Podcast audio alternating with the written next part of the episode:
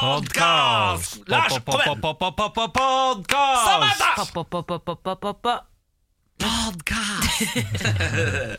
Ja vel, så hyggelig at du har lastet ned podkasten vår. Det setter vi meget stor pris på. Det er fredag. Nå er det faen meg fredag. Å herregud, Når du hører på dette her, hvis du hører på veldig tidlig etter at podkasten har blitt lagt ut, så sitter jeg og knekker nedpå noen bjørnunger rett ned i gapet. Ja. Hvis du går i Karl Johan når du hører på den podkasten nå, eh, og går forbi Sir Winston pub i Karl Johan, da må du vinke inn, for der sitter vi. Ja. Nei, ikke kom inn. Jo. Nei, Jeg er så dårlig på smalltalk, Lars. Jeg vet ikke hva jeg skal snakke med folk om. Åh, get over Å, yourself, ja, Niklas. det- det- Nå har du hodet langt oppi ditt eget asle. Nei, det er ikke for, det er ikke for for kul. Jeg. Hva, hva, hva snakker du med folk om? Hva jeg snakker med folk om det. Spørs hva vi begynner å snakke om, da. Altså, hvis det kommer innom en, en lytter som sitter og går ned og Karl Johan og hører på podkasten, og kommer innom til Sir Winston og sier 'Hei, jeg driver og hører på podkasten'. 'Å, så hyggelig. Hva skal du? Skal du på jobb, eller har du lyst til å sette deg ned og ta en øl?' Det er et eksempel. Du har litt å lære fra Lars. Lars er faktisk en god mingler, har jeg funnet ut av. Ja, det? Ja, det jeg tror jeg du er en god på. mingler. Det er liksom tilbaketrukken, men sosial. Tilbaketrukken sosial? Ja, Det er veldig bra. Den Niklas ikke sånn veldig høyt oppe hele tiden, eksempel. Ja. Ja, jeg tar det til meg. Jeg. Det er greit. Jeg skal, jeg skal subbe med humøret, jeg. Nei ja, da skal vi bli subbegjeng. Det er greit, det. Dere- Så får du Hold kjeften din, Samantha. Jeg skal sitte på podkast. Hold kjeft! Morgen på Radio 1. Fredag morgen. Eh, hvordan står det til med gjengen da, Lars? Hvordan har du det? Jeg har det veldig bra. Jeg vil si at jeg starter på terningkast fem i dag. Oi! Som er Hardt et ut. eh, ja, fineste utgangspunkt jeg har hatt på lang, lang tid, egentlig. Ikke noe spesiell årsak til det. Men eh, man trenger ikke alltid ha en årsak til en indre energi og varme. Oi, oi, oi, oi, oi. Jøss, hva er det som har foregått med deg i løpet av natta? Det begynner å gå gærent, jeg begynner å hallusinere og sånn. igjen. Eh, Hvorfor er du så i godt humør Nei, jeg i dag? vet Hva har du ikke. gjort siden sist, egentlig?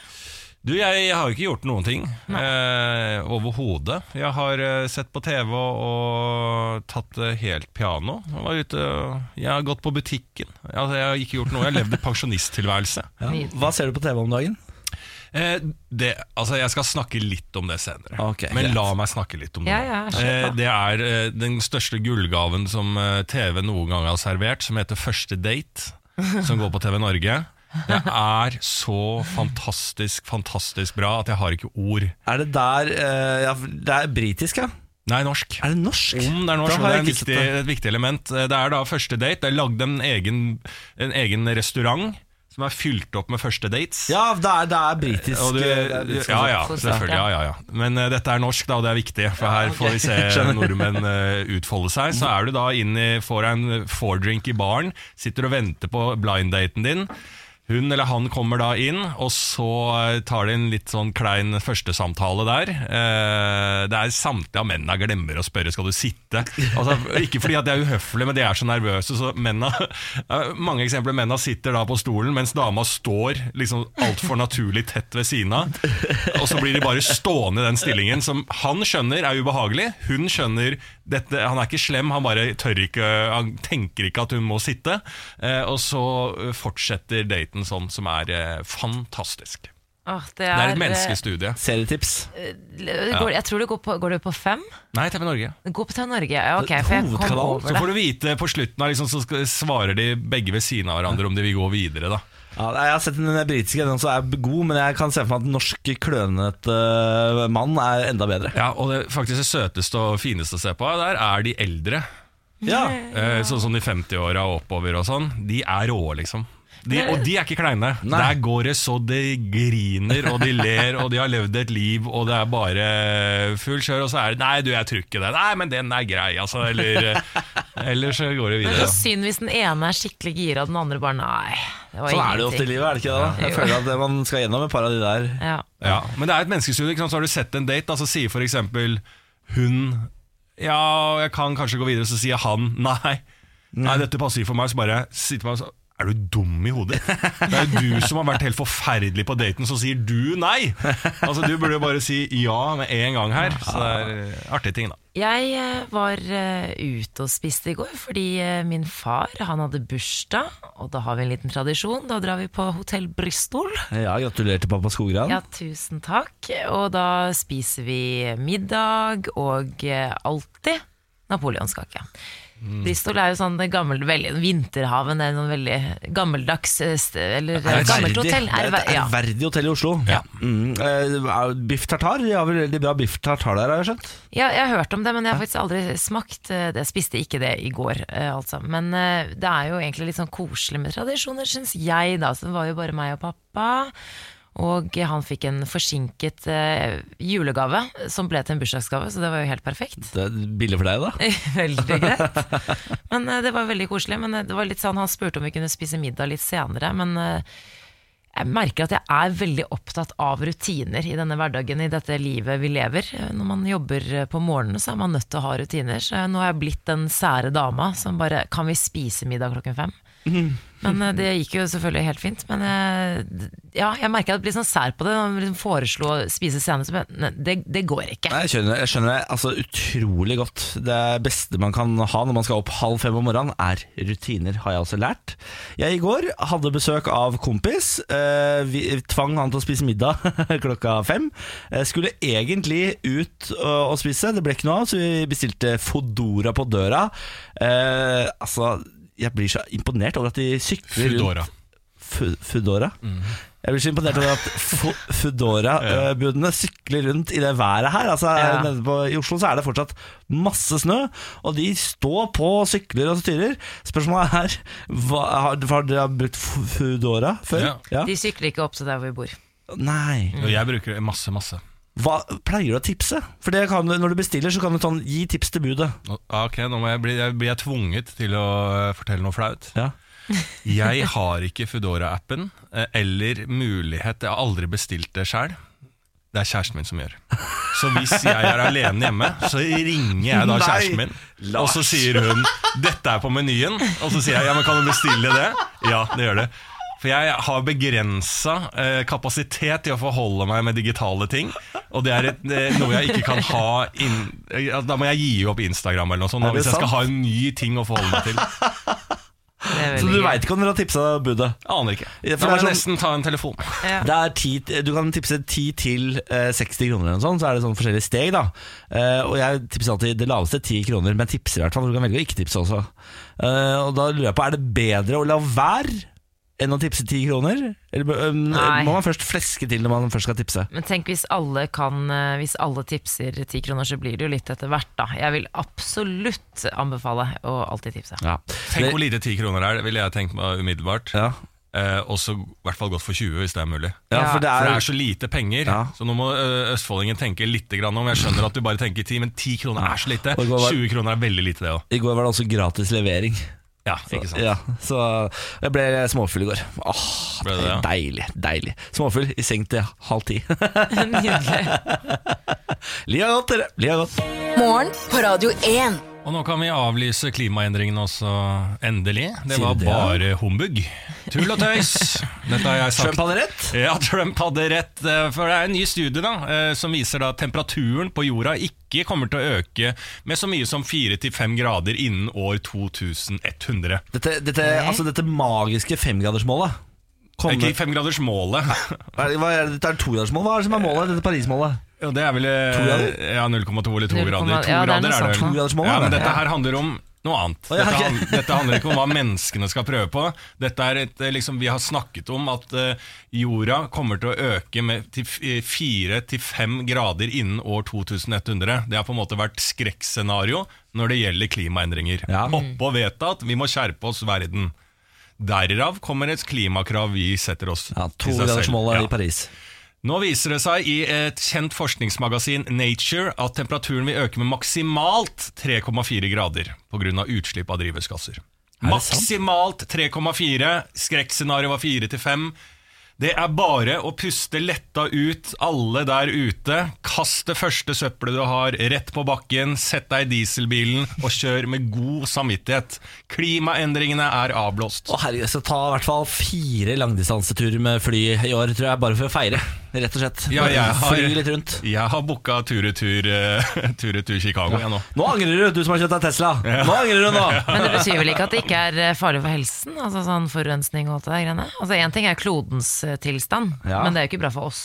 Nå må du, skal du Det- strø salt i såret, Det er være i kalaset? Jo da, men hvis jeg blir tatt seriøst på det jeg sier nå, så er det selvfølgelig eh, en, eh, fortsatt en klimaendring som er i gang, og 3,4 er jo absolutt eh, noe vi må ta på alvor, det òg. Men det er faktisk, og forskere går ut og sier, at hvis det viser seg at vi ikke kommer til 4-5 grader, så er liksom skrekkscenarioet da er det faktisk muligheter å redde ting, og det er muligheter å gjøre ting bra. da. Mm. Så det er egentlig bare positivt. Eh, positive nyheter til klimakampen, og at det faktisk mer, eh, kan gi oss mer optimisme. Jøss, du er så positiv i dag, Lars. Nei, jeg måtte, ja, jeg måtte bare Jeg starta på litt spøk, men så tok dere meg så alvorlig, så jeg måtte bare informere om eh, Jeg trodde ikke vi hadde avblåst Jeg gjorde ikke det, klimaproblemet. nei. Nei, jeg trodde ikke det. Jeg, Jeg, jeg tok var dårlig til å ironien. lese. jeg. Ja. Jeg tok Ja, men dere må ta alle andre på alvor også. Det kan jo være at jeg misforstår, eller noen andre Ja. der ute. for Samantha, det var eksempel. ironi, Samantha. Å ja, det var det det var, ja. Vi må snakke litt om kulturminister Trine Skei Grande. Eh, overgriperen. Nei.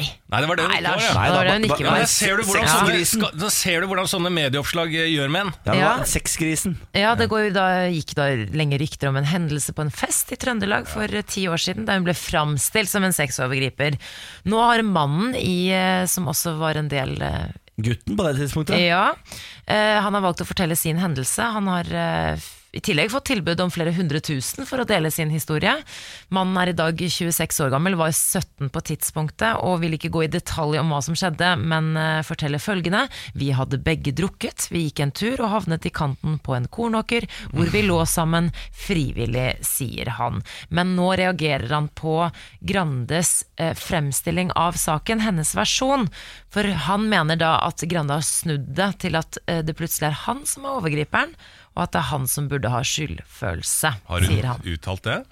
Eh, Det har ikke jeg fått med han har sagt har det, ja. sagt det. Mm. Okay. Han reagerer jo på For de har jo da snakket sammen i den siste uka her som har gått. Hvor han, og han, eh, vi kan også legge til at han har ikke villet at denne saken skulle komme ut, i utgangspunktet. Men Grande har jo måttet forklare seg for bl.a. blant andre statsministeren, og da har denne versjonen som hun har kommet med, det, det er det han reagerer på. For han sier at alt dette var frivillig, han ønsker henne alt godt i jobben, men han vil bare ikke at det skal være eh, løgn, altså at det skal være en Ja, riktig for da blir versjon. han da. overgriperen, ja. ja, ja, ja. Ja, ja, ja. Det er, den saken her jeg, Det aner meg at vi er langt fra ferdig med denne saken. Jeg så at TV 2s eh, politiske kommentator sa at uh, Trine Skei Grande bør håpe at hun har fortalt sannheten uh, til Erna Solberg. Hvis ikke så kan det, eh, det, det så kan det være problemer eh, med nyjobben. Ja, det kan det jo, for det så sto jo det, det er jo Aslak Eriksrud, tror jeg, den kommentator til TV 2, som har kommentert den saken. Han sier at det ikke, mest sannsynlig ikke får alvorlige konsekvenser, men hvis hun har løyet til statsministeren om hva som har skjedd, så kan det gjøre noe med tillitsforholdet mellom Solberg og Skei Grande. Jeg syns også det er rart at man hopper bukk over at han var 17 år og drita når de lå sammen, eh, og at det ikke er et større poeng i denne saken. Men, men. Det er nå meg. La oss eh, ta turen til eh, sykehuset. Eh, en kar klagde på smerter. Viste at han hadde hatt en skalpell i magen i fire år. Æsj. Eh, Etter en operasjon i 2013 slet amerikanske Glendon Turner med magesmerter og svimmelhet. Da han dro tilbake til sykehuset, fant altså legene en skalpell i magen hans. Her er det jo eh, mye greier. Glenford, som var 61 år, eh, f- opererte, kom ut av operasjon, og så går det fire år hvor han har kjempevondt i magen, det blir svimmel, det er masse problemer. Og så tar det fire år før du går tilbake til legen. Når du da endelig kommer deg tilbake og får tatt røntgen, så har du altså en skalpell i magen. Var han britisk? Yes. Nei, han er fra Connecticut. Ja, ikke sant, men det må være noe sånt, en sånn beinhard fyr. Ja, han er, han er, han er militær, ja. ja. Han har hatt vondt i magen han i fire år. Ja, ja, ja. Alle andre Han er veteran. Ja. Uh, ja da, så han, eh, Alle han de unge, 40 mer eh, unge blir psykisk syke, uh, og det, alle er depressive. Og jeg, jeg sliter, for jeg spiller litt for mye PlayStation, men Glenford han går med en skalpell i magen i fire år uten å merke det. Det var en, det var en praktikant da, som hadde operert på han og glemte igjen skalpellen. Det, jeg skjønner ikke, For det første er ikke skalpell liksom noe av det skarpeste man har av instrumenter. Jo, det er veldig skarpt. Skulle jo tro at det liksom hadde forårsaka masse trøbbel inni der. Det har ligget litt sånn fast, da. Ja, åpenbart. Og så har det jo gnissa litt, da, tydeligvis, for han har jo hatt vondt i magen. Ja, så han har blitt kutta litt, da, sikkert. Eh, det, jeg liker veldig godt uh, uttalelsen til advokaten til uh, Turner. For han, uh, det han reagerer på, er at på tross av hans lange tjeneste for USA, så velger de en praktikant å operere på oh, ja, det er den vinkelen de tar. Ja, ja, ja. Ikke det, de reagerer ikke på skalpellen, men det er det at de satte en praktikant på en veteran. Ja. Det skal- de faen meg ha seg frabedt. Men Det tenk, seg da, tenk dette scenarioet her nå. Det kan hende at det er tidlig på morgenen at det er derfor jeg får sånne scenarioer, men at han ble kalt ut til tjeneste igjen. Ble fanga av Taliban eller IS, eh, ligger i en grotte og er liksom eh, Du er døden nær. Og så har han vondt i magen, så kjenner han at det stikker noe ut i magen. Ja. Så liksom tar han bort litt hud, og så ser han et tuppen på en skalpell, drar ut den, får kutta av eh, tauene som binder ham fast, og han får rømt pga. praktikantens hjelp. Det er som å bake inn en, sånn der, en kniv inn i kaka inn i fengsel, liksom. Kan det at praktikanten bare ville, halv sju. ville gått? Klokka halv sju. Eh, åh, det hadde vært en nydelig film. film. Ja. Morgen på Radio 1. Og engelske barnespillere blir henta i ekstremt ung alder eh, til de store klubbene. Små barn lokkes med sjokkontrakter. Ok. Og tidligere Liverpool-legende, altså han er jo Liverpool-legende, men tidligere Liverpool-spiller, Steven Gerrard går ut kritisk. Det gjør også eh, Arsenal-manager Arsen Wenger er veldig kritisk til dette her. Og Det er en dokumentar som kommer nå der det legges frem at uh, unge spillere får tilbud om enorme summer. Altså En 13-åring skal bli tilbudt 450 000 kroner i uka. 13-åring. Oi. Yes. En gutt på ni år og hans familie skal ha blitt lokket med en årslønn på 240 000 kroner. Oi. Ni år. Ja. Så her eh, har jo det tatt en eh, Altså, summene for fotballspillere generelt i, i verden er jo blitt helt hinsides. Men nå går det altså så langt ned i alder. Og jeg var ganske god fotballspiller da jeg var ung. Ikke sant? Og det er jo veldig mange som er. Ja. Og da kan man bli man, Altså, den alderen der å bli snappa opp av storklubben er jo helt ekstremt. Og så har de jo sånne fotballskoler som ikke Line Grisen, holdt på å si, ute i Europa, så har de jo ganske de akademiene og sånn der. Det er ganske hardt eh, kjør fra ung alder når du først blir eh, snappa opp. Ja, det er beinhardt. Og så syns jeg det som er litt artig her, da, det er at NFF er ute og uttaler seg også om denne saken her. Eh, Norges Fotballforbund. Og de sier at de er glad Norge har sunnere verdier, og mener det er et konkurransefortrinn. Det er jeg ikke helt enig i. og at eh, NFF, Norges Fotballforbund, eh, skal uttale seg om dette her, er også hva som er konkurransefortrinn, og eh, hvordan man bygger opp et bra landslag. Det er jeg heller også uenig i, da. Man lytter når NFF prater om hvordan man bygger god fotball. Så jeg, pleier, jeg applauderer NFF for å ta stilling i denne saken. Man lytter når NFF snakker om hvordan ha det gøy på byen og ha en god middag. eh, og drite i landslaget. Da lytter Statoilegården, vi. er det ikke det? Det Men det er jo sånn evig debatt både når det gjelder ski og fotball og alle sånne ting her i Norge. For det er en sånn blanding, og det var én side som er har liksom heia dugnadsånd og det fellesskap og det idrett skal stå for, og så har du den andre siden som er sånn nei, skal vi ha noen talenter der ute i verden, så må vi dyrke fra de er fire år gamle. Ja, de, altså, Men det går det er ikke an å ha litt begge deler? Ikke sant? For jeg husker da jeg var veldig sånn fra tidlig alder. Eh, god i fotball og ønska eh, seriøsitet. da det var ikke, Og pappa og mamma de dreit i fotball. Så det, det kom ikke derfra. Nei. Men jeg ønska å liksom spille med gode og lære og, og sånn. Det var umulig for meg. Ja, jeg måtte sitte være min tid og på sånn. benken, og Peder satt ute på grusbanen og lagde sandslott. Og det var viktig for bredden i fotball, at Peder fikk lage sandslott midt i kampen. Og Kunne ikke det vært et tilbud for meg da eh, å flytte til et sånn derre Gå til det laget, for der er de seriøse, og så er det bredde på andre Men det har man jo. I hvert fall i Moss hadde vi det. Alle de som var som deg, de ble flytta til Moss FK. Alle andre satt eh, som, som meg, satt på Kambo IL og lagde sandslott. Ja, men hvor unge da? Det er liksom Etter hvert så Nei, sier vi juni- 13 år, da, så begynte man å sk- skille. Ja, Liksom. men jeg var yngre enn det, vet du. Enda yngre. Ja, ja. Ni år. Ja. Skal du ha to- 300 000 i året? Siv Jensen skal ha blitt varslet om uh, Ulf Leirstein. Uh, Ulf Leirstein fra Frp er anklaget for å ha sendt hardporno til unge partifeller og kommet med flere pikante forslag. Han er fra Moss òg, jeg bare nevner det. Ja, FrPs tidligere stortingspresentant Jon Gåsvatn sier at han varslet Siv Jensen om Leirsteins SMS-er eh, allerede i 2012. Og eh, Siv Jensen sa jo i nyhetene i går at hun beklageligvis ikke husker samtalen eh, med Gåsvatn, men Gåsvatn han slår til igjen og sier at han husker møtet med Jensen svært godt. De møttes i november i 2012 på partilederens eh, daværende kontor. Og da sier da Gåsvatn at han viste til at han hadde fått meldinger om at Leirstein hadde forsøkt å, å ha sex med mindreårige. Siv Jensen avbrøt meg og sa kort og godt ikke si noe mer, jo mindre jeg vet, jo bedre, og det forstår du. Oi. Det sier da Gåsvatn at Siv Jensen har sagt. Hun sier at hun ikke husker samtalen. Er Gåsvatn i Frp? Eh, tidligere stortingsrepresentant. Ja, nettopp. Ja.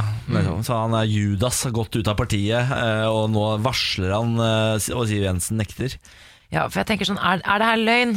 Så jeg, jeg blir litt sånn frustrert, fordi hvis det han sier stemmer, og hun sier at hun ikke Hvordan husker man ikke det? For det er jo ikke som om du, du har foreslått at å, vi må få billigere parkeringsbøter. Det er liksom Det er jo ganske Du husker jo Hun det. ganske på defensiven. Jeg så et intervju med Siv Jensen der eh, sånn politikerdefensiv, der du skjønner at uh, hun vet at uh, en politiker vet at noe eh, har gjort noe gærent, og så sier de Mm. sånn eh, jeg skal innrømme at jeg er ikke helt perfekt, og det kan ha skjedd ting. Vi skal gå ut gjennom våre rutiner, vi skal Mm. gjøre ditten, vi skal gjøre datten, og så bla, bla, bla. bla, bla, bla, bla. Men hvis hun hadde vært helt sånn konkret 'dette er løgn, dette har ikke skjedd', da hadde hun gått politiker hardt imot. Ja, ja. Så det er tydelig at det er et eller annet eh, hun har eh, svinn på skogen der Ja, og så tenker jeg bare ta ansvar. En ting er på en måte å ta feil. Vet du. Ja, jeg, jeg fikk faktisk de, jeg leste de, og jeg så det, og jeg, jeg bekla- det var helt tullete av meg. Det er jo et oppgjør med en kultur, bla, bla, bla. Da hadde jeg hatt større respekt. eh, Hvis, for en politiker som tar ansvar. Det er jo mye bedre det enn at man kanskje skjønner Jeg vet jo ikke om det her stemmer, vi vet jo ikke om Gåsvatn snakker sant. Gåsvatn. Bare, Ja, bare nevner bare du likte det Jeg, må, må bare, jeg klarer ikke ikke gjøre det. Nei. Gåsevatn. Jeg elsker det navnet. Takk Ja. for at du har det navnet. Gåsevatn. det, det der er en uh, sak som utvikler seg, det gjetter jeg på. Det blir mer om det garantert etter hvert. Jeg kan uh, ta opp en svensk 33-åring som eier 3800 biler. Hæ? Svensk mange? 33-åring eier 3800 biler. Å. Myndighetene fortviler og klarer ikke stoppe det de kaller for virksomheten. Det har dukket opp et fenomen som heter bilmålvakter i Sverige. Det er folk som eh, ikke eier nåla i veggen, eh, som eh, da får registrert biler på seg. Sånn at folk kan kjøre rundt og kjøre for fort og få bøter, men da går bøtene til de som eier bilene, ikke sant? De kan parkere ulovlig, få bøter.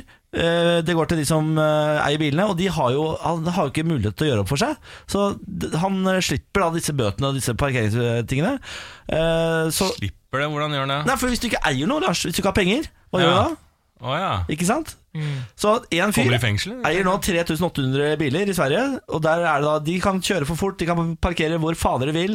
Det er samme fyr som sitter her og får alle bøtene, og han bare sånn 'Jeg har ikke penger'. Og det Men det må jo være enkelt å ta ham på, da. Ja, men hva skal du gjøre? Han har jo ikke jobb. Så- Nei, men de kan jo konfiskere de bilene, Nei, da. åpenbart kan du ikke det. De har åpenbart ikke lov til det. da T eh, Fordi han er jo 3800 biler. Eh, Bilmålvakter. eh, Det blir flere og flere av de. Og det koster staten skal vi se, 56,2 millioner kroner i året. Ja, altså Hvis staten ikke greier å ordne opp i det når det er så tydelig hva som skjer, alt er, eh, all, all, alle tingene med den saken er jo avslørt, at de ikke greier å ta det eller lage en regel for det, Ja, de- de det skal- er ubegripelig. Altså. De skal innføre en testordning i Göteborg nå, hvor de skal luke ut disse bilene ved at parkeringsvaktene skal sjekke opp feilparkerte biler opp mot det sentrale registeret. Og hvis de har flere utstående bøter fra før, så kan man taue det inn, og så blir de ikke utlevert igjen. Yes. Før alle bøtene er betalt. Ikke sant. Ja. Men det er et testprosjekt som skal innføres i Gøteborg. og du, da må jo, du får jo en god del sjanser. da Så du, Si du kan ta to eh, parkeringsbøter og to fartsbøter, da og så blir du taua for første gang, så kan du betale dine. Og så få tilbake bilen din. Men får de ikke noe penger inn for leie av disse bilene? Leie? Leier han ikke ut disse bilene? Jo, men det er sikkert svart økonomi, da. Ja, Tror du ikke det? Ja. Tror ikke han, Men liksom, enda han en, ting han kan ta enda en ting man kan ta med på. Ja, ja, men da må du bevise det, da. Det Nei, er det var dårlig. Dårlig jobb av politiet. 3800 biler, én svensk 33-åring. Jeg er imponert. Morgen på Radio 1. Vi skal eh, rope inn dagens gjest. Anne Gunn Halvorsen kommer inn og setter seg med oss. Journalist og forfatter, og i dag vår kulturekspert. Ja, God morgen. God morgen, god morgen. Hvordan står det til? Det går veldig, veldig bra. Har du, eh, er du vant til å stå opp tidlig om morgenen? Eh, ja. Ja, du er det, ja. Er det Små hva- barn. Små barn, ja, Tøffe ikke sant. morgener. Nettopp. Eh, vi skal eh, starte med temaet ny kulturminister. Norge har fått ny kulturminister. Trine Skei Grande blir regjeringens nye kulturminister. Hun har selv ønsket posten og er storfornøyd med å få den. Hun overtar altså etter Høyres Linda Hofstad Helleland. Eh, vi kan vel ta en runde først. da Hva tenker du om at Trine får eh, ministerposten kultur? Jo, jeg føyer meg jo inn i resten av Kultur-Norge og syns at det er et veldig stort framskritt. Eh, og et stort framskritt betyr jo da òg ofte i kulturverden framskritt mot venstre, for mange av kulturutøverne er jo langt ut på venstresida. Så vi merker at det er veldig stor lettelse og entusiasme over at liksom, Posten har fått en litt eh, mer venstrevridd minister. Ja, for det, det er vel ikke noe hemmelighet at uh, kulturbransjen sjøl har ikke vært kjempefornøyd med Linda Hofstad Helleland. Nei, det har jo, har jo hisset på seg masse kunstnere, f.eks., ved å tulle litt med stipendene deres.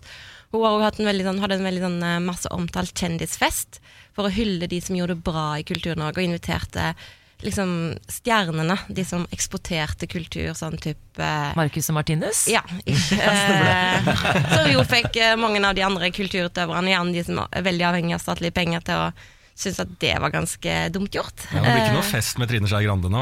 Eh, nei, det blir nok sikkert andre typer fester, håper jeg. Ja. Hun har jo sagt at hun bruker fritida si på kultur, Ja. og det er jo et godt tegn, vil man Mm. jo kanskje si. Jeg husker når Hadia Tajik ble kulturminister, så sa hun at hun brant for litteraturen. Og det er jo heller ikke så ofte at man, at man Det er ikke gitt at man får en kulturminister som liker kultur, eller uttrykker at hun eh, har personlig interesse i det. Nei, hvis vi, eh, hvis vi legger eh, Linda Hofstad Helleland bort da, og tenker sånn, hva er det som kjennetegner en god kulturminister? Hvilke egenskaper er det en kulturminister som skal bli likt, bør ha?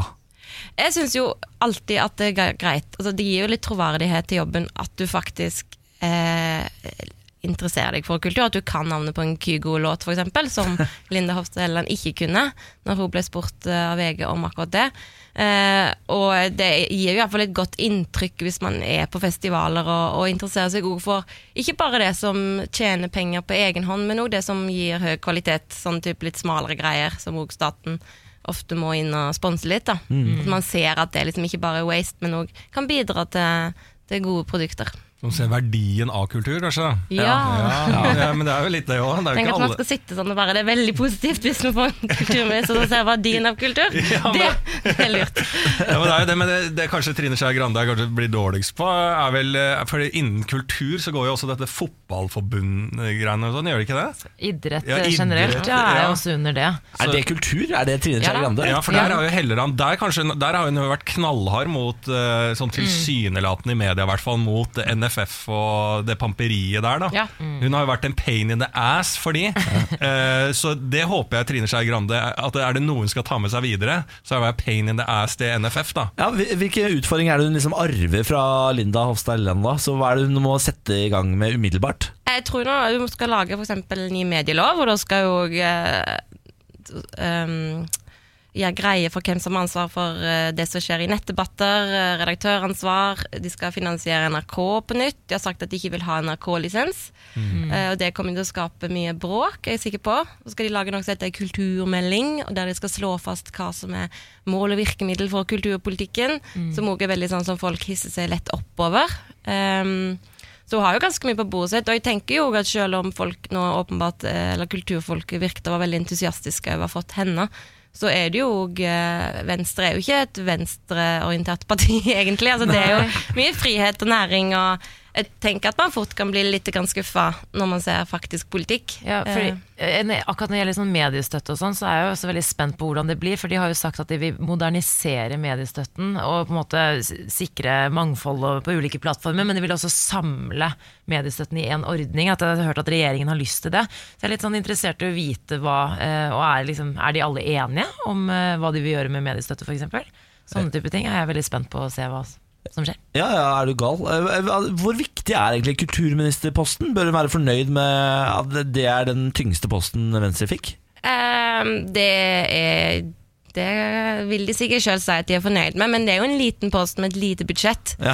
Eh, og det som er sagt av fagfolk, er jo at, kultur, at det er veldig bra hvis en partileder blir kulturminister, for da får kulturministeren liksom litt sånn vekt. Ja. Eh, så det er heller det da at Trine Skei Grande gir vekt til kulturministerrollen enn motsatt. Ja, nettopp.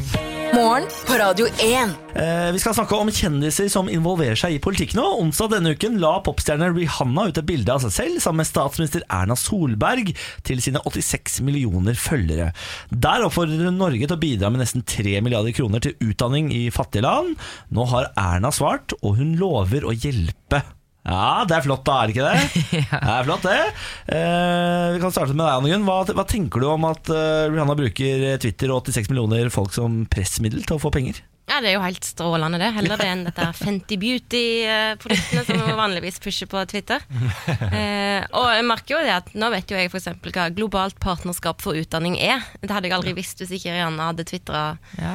Eh, og twitret om det og putta et bilde av Erna Solberg på. Eh, så, og nå snakker vi om det igjen, så det funker jo åpenbart, da, selv om man kan jo synes at det er ganske merkelig at en popstjerne skal drive og blande seg inn i eh, utdanningspolitikk i eh, utviklingsland og den slags. Presse statsledere til å betale, åpenbart. da Ja, Hvem er det som er mektigst? mektigst? Er det Erna, eller er det Rihanna som har mest makt? Oi, det er et makt? stort og eksistensielt spørsmål. La oss håpe på en måte at det er Erna Solberg, da. Eller iallfall at hun skjønner det sjøl. At hun tenker at hun må ikke fordi at Rihanna sier det. Det er vanskelig å si nei, Ja, det er jo det. for hva kan hun gjøre? liksom? Hun må jo på en måte si ja. Ja, så er jo Rihanna-fan òg. Hun har vært på konserter og vært veldig åpen om at hun er dedikert Rihanna-fan, som jeg syns er ekstremt merkelig og out of character for Erna Solberg. Men det jo veldig hyggelig. Ja, Men eh, Erna har jo, kan jo styre en hær. Det liksom sånn av soldater. ja. Hun har på en måte har, de, tre, de 320 soldatene vi har igjen på Rena, tenker du på? Ja, og ja. har jo fly snart, da. Ja, det er sant. det er Snart.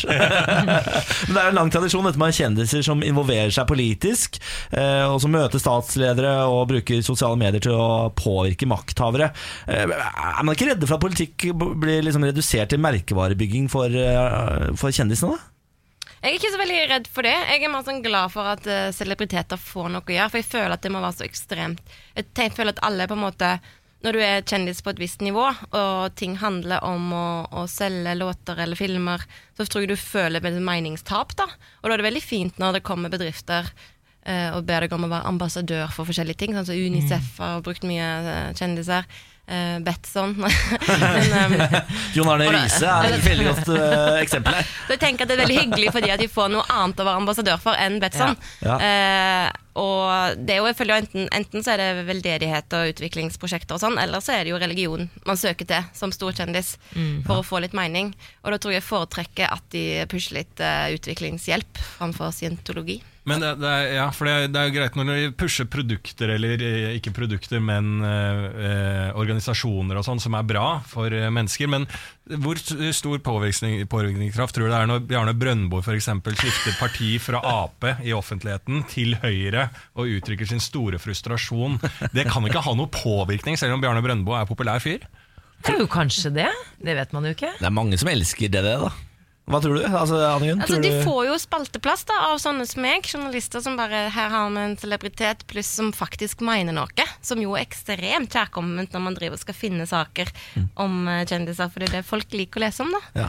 Så eh, først og fremst eh, så skriver man jo om det, om de har påvirkningskraft. Det vet jeg ikke. Eh, La oss nesten ikke håpe det, men jeg tror dessverre det. At det er en movement, at man kan se på meningsmålinger. Nei, men det har, det, selvfølgelig har det påvirkningskraft. Ja, Eh, det har det. Vi har eh, Anne Gunn Halvorsen her, eh, som er journalist og forfatter. Bruker henne som vår kulturekspert. Eh, Snakker om eh, kjendiser som involverer seg i politikken. Eh, har kjendiser mer makt nå, i 2018, eller med tanke på sosiale medier og den utviklingen vi har hatt? Eller hadde de mer eh, eh, makt før, når, de, når det var færre større kjendiser? Ja, Det er et godt spørsmål. Jeg tror nok eh, Celebritetene sjøl vil jeg tro ah, føler at de har mer makt sjøl. Altså, for de har jo sosiale medier som de kan styre sjøl. Eh, de kan si det de vil sjøl, stort sett iallfall. Eh, I motsetning til f.eks. når eh, for et par tiår siden, og f.eks. Marit Larsen, Maren Ravn var store superstjerner, så måtte de sitte på fly og skrive brev, svare på fanbrev. Eh, og det, det VG og Dagbladet skrev om de, det var det som ble kommunisert ut. Mens nå kunne de, hvis de hadde vært unge tenåringsstjerner nå, så kunne de jo bare skrevet hva de ville på Instagram. Ja. Uh, og det er jo der òg publikum er i større grad enn i VG Dagblad. Så sånn sett så har de sjøl mer makt. Men det jeg lurer på om blir vi fortere lei? For før var det jo sånn at vi ikke sånn, Altså det vi får se av kjendisen Før var det litt sånn Det var jo ikke Instagram og Facebook, så det var sånn det lille du så av kjendisen, det var liksom Det var så stort. Men nå er det jo overalt det peprer på. Når jeg ser sånne ambassadører for ditten og datten, med mindre jeg virkelig bryr meg om saken, så er jeg ikke sånn Det kan bli litt mye òg. Ja, og det krever ganske masse av celebritetene eh, og at, å velge riktige prosjekter å satse på, for de må ha troverdighet, for ellers så faller det så sjukt igjennom, sånn som du sier. at man ser alt de gjør. Så når plutselig de gjør noe som ikke, man føler ikke passer til deres personlighet, så blir det sånn Nja, nå har du fått godt betalt. Men, eh, og sånn som Jenny Skavlan, da, hun er et veldig godt eksempel. For hun har liksom hatt eh, veldig sånn bevisst brandbygging med dette her gjenbruk og Ja, Theis, eller hva det heter, ja. appen. Ja.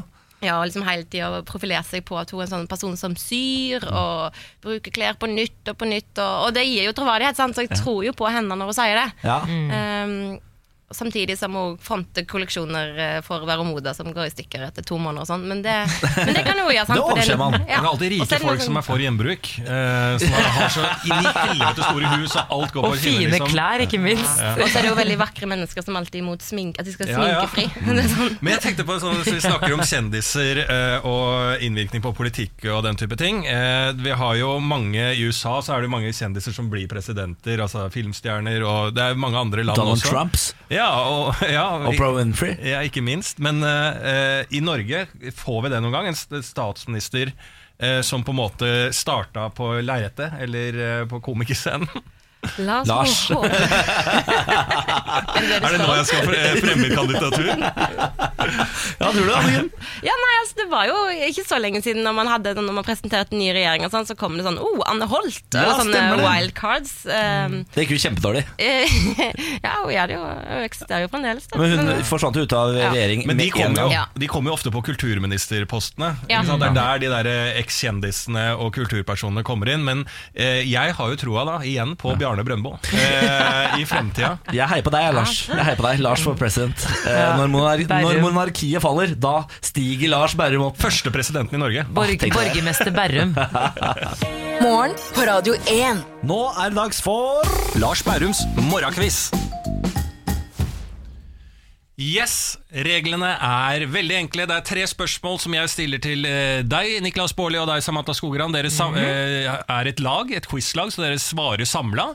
Alle svarene får vi helt til slutt. Ja. Har dere Ja. quizlagnavn? I dag har vi fått eh, quizlagnavn fra Marie, en fast lytter av oss, som har vært på Facebook-siden vår og sendt inn sitt forslag, så jeg tar det. Hun har foreslått at vi skal hete Grab them by the quizzy. Bra, det er Ja. første gang det har vært noe kvalitet på quizlagnavnet. Og da fikk vi hjelp av lytter. Ja, takk til Marie. Marie. Jeg eh, kan godt være med på den, for å bare i disse dager Det er jo snart ett år siden Trump ble president. Ja. jeg syns vi skal ikke hedre, men hedre uttrykket og minne folk på uttrykket. Grab Veldig bra, them Marie. by the quizzy. Jeg er med. Spørsmål nummer én.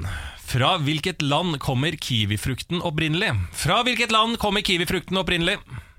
Det er jo helt umulig å svare på det, vel? Det må være et Det er jo varmt land, da. quizkunnskaper, da. Ja, ok Kiwi. Bra, Samantha. Hva er det? Fortsett med Det er sånn den. man sier det på Kiwi. Nei, jeg vet, det er jo et varmt land, da, sikkert. Ja, det vil jeg tro. Ja. Det er jo tropisk frukt, dette her. Skal vi si eh, Ja, er et det eller annet det? sted Ja. i Sør-Amerika? Ja, kanskje, Kanskje det. Ja. det? Typ eh, Argentina eller sånn, liksom? Ja, eller Brasil? Å, Nei, Brasil. Brasil blir kanskje Nei, det, nå fikk jeg Jo, men det har feil av at det var feil. regnskog og sånn i Brasil. Kan det Skal er vi mye si- rart, vet du. Du tror kiwien vokser i regnskog? Ja, det er ikke Vokser ikke alt som er godt i regnskogen. Da. Det er derfor man alle kan spise noe som er godt, fordi det fører til deforestation. Ok, Niklas, skal vi si eh, Chile, Argentina eller Brasil? Og Chile hørtes rett ut. Der er i hvert fall mye avokado. Jeg sier, vi, sier si- Chile. Vi sier Chile, vi. Vi gjør det. Ja, ja, ja, ja, ja. Ok, ok. Da går vi til spørsmål to. Hva er nedre aldersgrense for å opprette en Facebook-konto? Hva er nedre aldersgrense for å opprette en Facebook-konto? Er det 16, da? Nei, det er kanskje Nei. litt gammelt. det 14, da? 13, 13 tror jeg. 13, kanskje? Tenåring, liksom. Hvor, hvor gammel var du da du fikk Facebook? Eh, Jeg fikk det i 2011. Oi, det var sent. Var det sent Du er like gammel som meg. Jeg fikk det i 2007. Fikk det i 2007? Ja. men jeg husker jeg var av en merkelig grunn motstander av Facebook. Jeg skulle ikke ha Facebook. Var du Nei, jeg var, nei, jeg var ikke hipster. Jeg, bare, jeg var vanskelig og vrang. Ok. Ja, nei, men skal vi si eh, Vi var jo gamle nok da, eh, men ja. skal vi si 13 da, kanskje? 13 da, kanskje. Eller 11? 11, det var veldig ungt, da. Ok, 13 da. Ja, tenåring, liksom. 13. Jeg, jeg, jeg tipper det er tenåringen som slår inn der. jeg. Ja, jeg tipper Lars at vi har sånn slingringsmann på sånn Ja. ett eller Nei, to nei, år. det må treffe alderen jeg spør etter. Så, sånn cirka ett til to år. Nei, det må treffe den alderen. Grab them by the quizzy svarer 11 til 13 år. Nei, nei, det må komme med 13, da. 13 da. 13? Ja. Ok. Eller 11. Spørsmål nummer tre i denne fenomenale quizen er Hvilket land i verden selger mest deodorant? Hvilket land i verden selger mest deodorant? Jeg føler av og til, jeg vet ikke om det er en myte, men at eh, briter ofte ikke har den beste hygienen alltid. At jeg føler at de burde være det landet. Da gjentar jeg spørsmålet. Hvilket land i verden selger mest Hva slags deodorant? resonnement er det, Samantha? Bruk mer deodorant i England. Det var det egentlig det som var du mener er dårligst på deodorant? Jeg bare føler at de har alltid sånn, får sånn følelse at de har sånn dårlig munnhygiene. Og dårlig. Ikke briter generelt, men noen steder i England der så sliter de litt med det.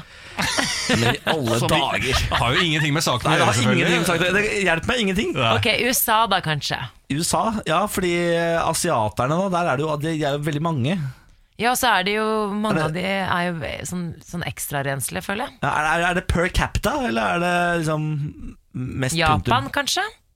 Hvilke Japan, land Japan eller USA? bruker Altså, ikke land selger det mest deodorant? Japan. Hvor vanskelig er det å forstå, Men da? er det per capita? Per capita, hva er, hva er det du mener med Oversett. det? Jo, det er, er altså land per eh, Innbygger. antall innbygger, på en Ja, måte. det vet jeg, men det har jo ingenting å si for Er ikke dere. du Dere- quizmaster, da? Ja, men det, det, det har jo ikke noe int- in- det, det har ingenting å si for dere. Svar, si ja, da. Jeg sier Sier ja Japan. på spørsmålet Niklas, ditt. sier Japan, da. Eller USA? Japan. Vi sier Japan og får kanskje et halvt poeng hvis vi for, Hvis, hvis det er USA, så får jeg et helt poeng. Men vi sier Japan. Ok, Nei, vi det må Japan. bli eh, USA eller Japan. Japan. Japan. Da blir det svarene på alle disse spørsmålene, og vi starter med spørsmål nummer én, som var da fra hvilket land kommer kiwifrukten opprinnelig?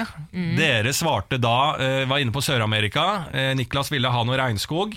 Endte i avokadoens hjemland Chile. Ja. Riktig svar er Kina. Nei! Kina? Ja. Er det de som står bak Kiwien? Ja. Nei, men i helvete, det hadde jeg aldri trodd. Nei. Sånn er det å ikke være god i quiz. Spørsmål nummer to.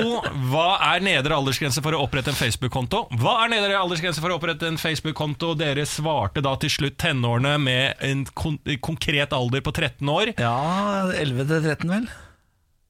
Jeg setter pris på om du kan bruke lagnavnet vårt. Ja, Grab them by the quizzy heter det faktisk. Grab them by the quizzy. Er det 11, 12 eller 13 år dere går for? Vi sa 13. 13. ja. Det er riktig. Bra. 13 år er nedre aldersgrense for å opprette en Facebook-konto. Og Nice. spørsmål nummer tre var hvilket land i verden selger mest deodorant? Vi fikk et nydelig resonnement av Samantha Skogran der, som mente at ikke hele, ikke alle i, eh, i England eh, sliter med hygiene, men noen i England sliter litt med hygiene, sier hun da. Eh, det hadde ingenting å si for det spørsmålet, Oi, men dere endte av en eller annen merkelig grunn på Japan. Det er renslige. Ja, og det er mange. Ja. Det er riktig! Hva fader? Ja, det er helt utrolig at dere greide å svare på hvilket land i verden selger mest deodorant. Det er Japan.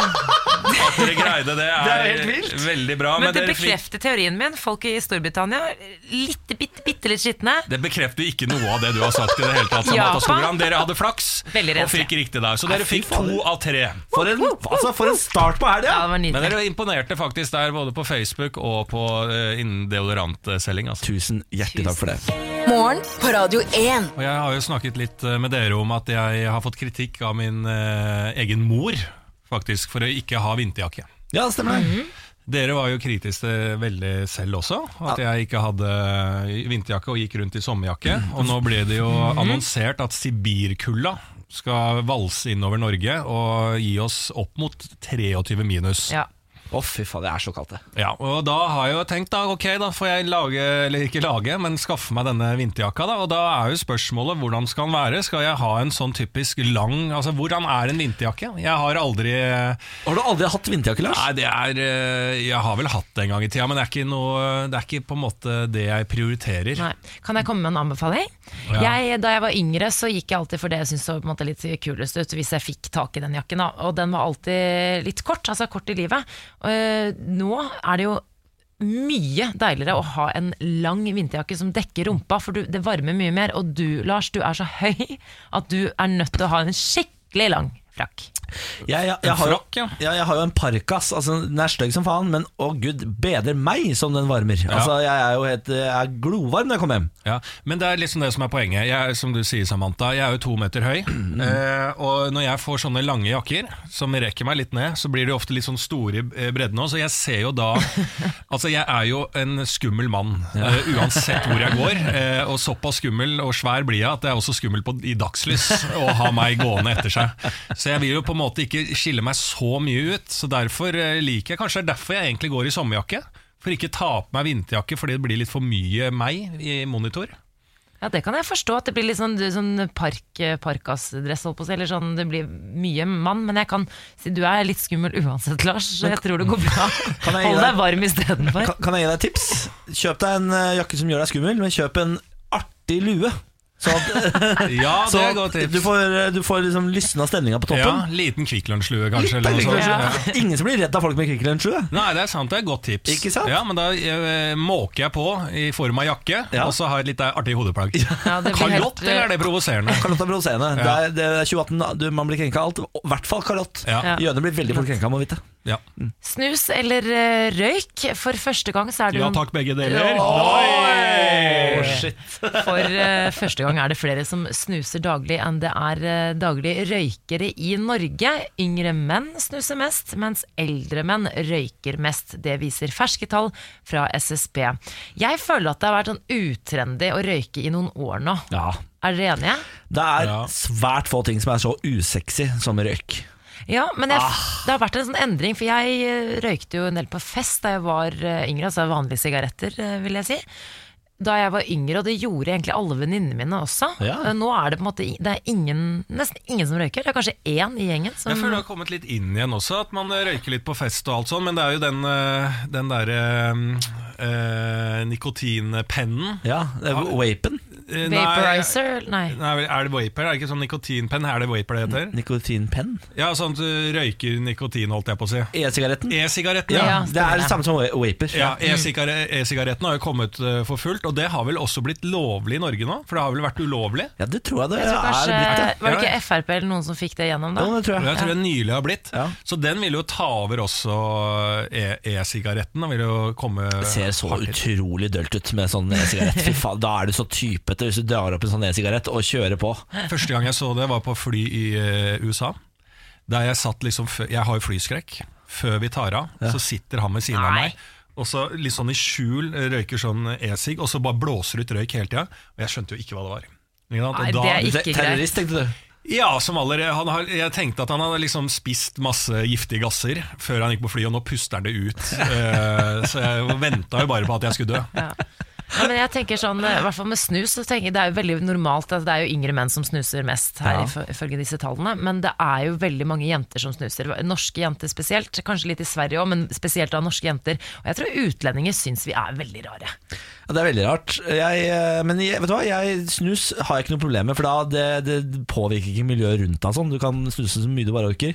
Røyk, hold dere unna. Det er ikke noe vits. Og det er mye mer skadelig. Bevis bevist nå at snus er nesten ikke skadelig. Ja, jeg vet det. Ikke for tann, ikke får du svarte tenner, og jeg skjønner ingenting. Det må er jo være konge. noe. Nei, det er, dyrt, konge. Men er det så farlig med røyka? Det er, altså, Gud hjelpe meg. Eh, Jeg har, dette har vi snakket om før. Jeg har jo bestilt ferdigmat på døra. Altså sånn eh, fem middager som er lavkarbo ferdig laget, som jeg bare varmer opp i mikroen. Mm. Skulle få de i går, eh, og da fikk jeg beskjed om at levering var mellom fem og ni på kvelden. Altså, For det første, det går ikke an. Man kan ikke ha leveringsvindu mellom fem og ni på kvelden. Det, da må man jo være hjemme hele kvelden, da. Jeg skulle ut og bowle og drikke øl i går. Jeg måtte avlyse det og få de hjem til meg isteden. Så satt vi og spiste burrito og drakk øl, og så på fail-videoer på YouTube isteden. Det er, så eh, det er så bra at du sitter hjemme og spiser burrito og drikker øl og venter på lavkarbomat. Eh, Men eh, det er litt av straffen, tenker jeg, da. Når du er så idiot og skal ha lavkarbomat på døra.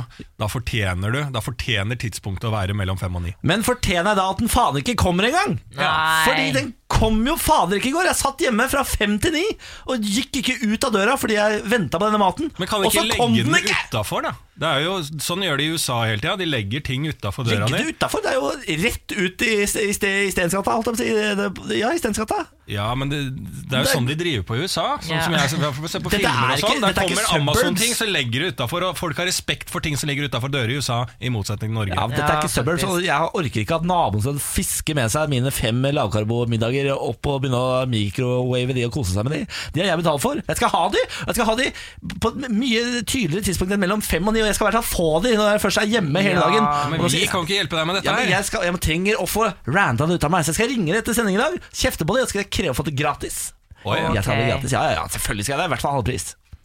Hvor, hvor mye kan jeg kreve? Halvpris? Halv pris? Eh, Nei. Ja. For de, skulle, de har kosta meg en hel kveld. Ok, greit. greit. Hattis, ja. Vi støtter deg. Vi støtter deg. Åh, altså, det skal så mye til å få støtte her i studio. Nei, jeg støtter deg Ja, på det Morgen på Radio 1. Vi har fått besøk av Vegard Tryggeseid. Hallo, folk. Hei. Hello. Og grunnen til at vi har fått besøk av Vegard Tryggeseid, er jo fordi at det er fredag. Det er helg, og vi har da selvfølgelig en mann som kan alt om helg. Vår egen helgestrateg. Ikke sant, Vegard? Ja, det nærmer seg fredag, eller det er fredag. Og her kommer jeg med tilbud til dere som går inn i helgen. Eh, eller kjører med bil. og jeg skal hjelpe dere gjøre de riktige valgene, for det er veldig viktig for meg at folk har en god helg. Ja, det er det. Det er ekstremt viktig for deg. Er det Ja, ja, jeg vet det. Ja, men, er, det, men er, det, er du glad i helg selv, da? Nei, personlig har jeg ikke helg. eh, jeg hadde det før, Ja. ikke nå lenger. Nei, ikke sant. Du skal gi oss da tre helgestrategier eh, som kan hjelpe deg der ute til å takle helgen på best mulig måte. Ja, De kommer da i rekkefølgen 1, 2, 3. Eh, så de som er interessert i rekkefølge og tall, kan da lage seg en sånn liste, så kan de krysse av etter hvert som tallene kommer. da. Ja. Skal vi sette i gang, eller? Ja. Norges ultimate partyplaner hjelper deg å takle din helg. Mannen som kan alt om helg. Vi presenterer Vegard Tryggeseids helgestrategier. Helgestrategi 1. Ok, du er på lønningspils. Her er en vits du kan ta på sånne kvelder som det. Litt ute i kvelden, si litt oppgitt. Ja, ah, nå har jeg brukt opp hele lønna allerede. Den er litt fin. Da, da er den beste reaksjonen du kan få, da, at en kollega sier 'nei, er det sant?' Og da, da kan du si 'kødda'. Eh, og hvis du har lite is i magen, så kan du faktisk si 'kødda' med en gang. Uh, da kan du si 'jeg har brukt opp hele lønna, kødda'. Som, som egentlig er en generell strategi hvis du ikke liker å ha is i magen. Si 'kødda' med en gang etter en spøk. Og det er helt greit, det. Helgestrategi 2. Ta med sverd på konsert.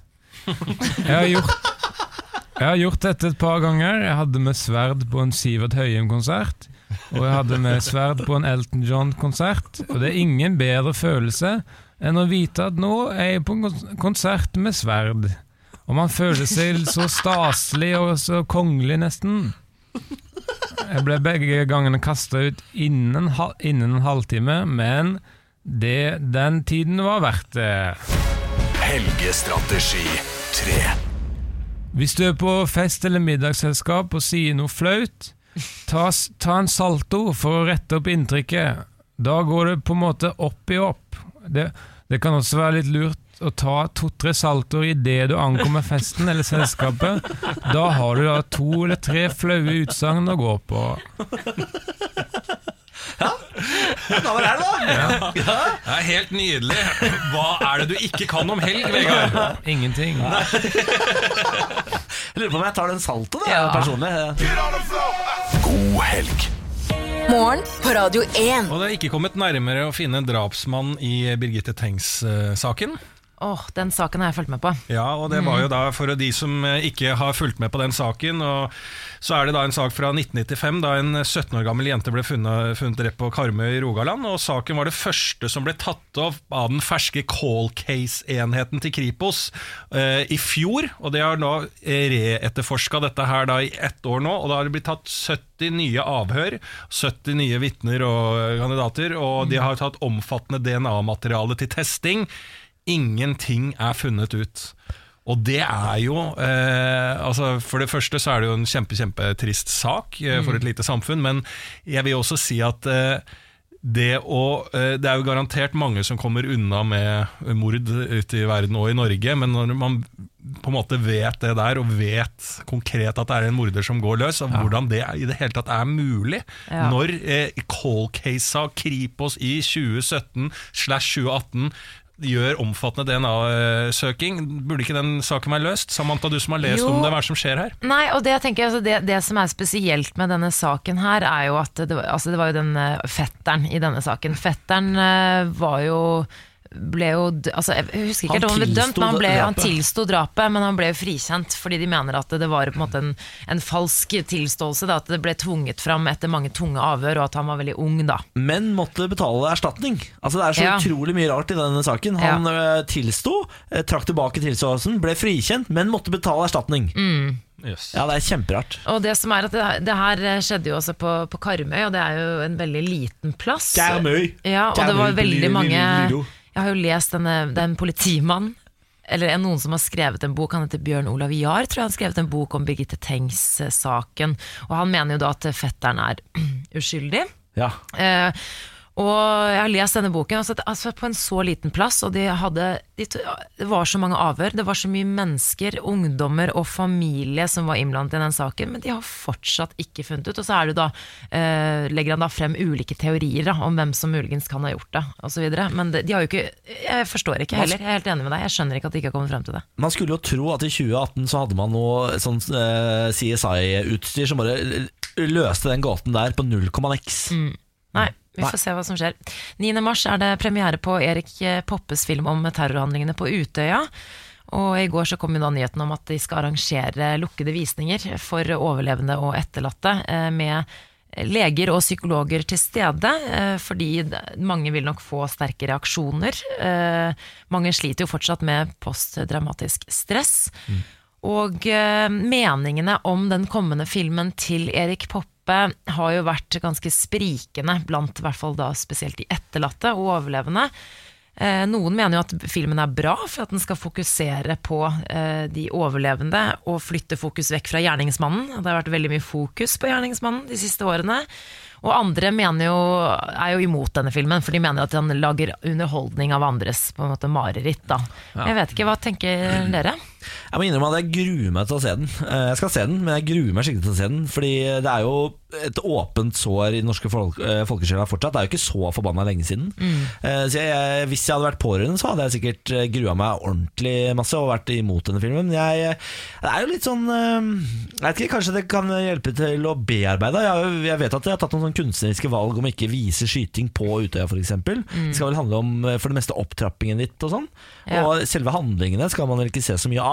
Nei. Eh, Så hvis det kan være med å bearbeide litt, så er vel det bare fint, tenker jeg. Ja, og så er det En ting er jo å være pårørende og berørt eh, direkte eh, i, den, i denne saken. Eh, men jeg mener jo sånn på grunnlag av at det er vel seks år siden nå, at eh, jeg mener jo sånn humormessig så mener jeg at det bør vitses om. Eh, jeg mener også at det bør kommet dit nå at vi også kan lage eh, film og filmatisere det.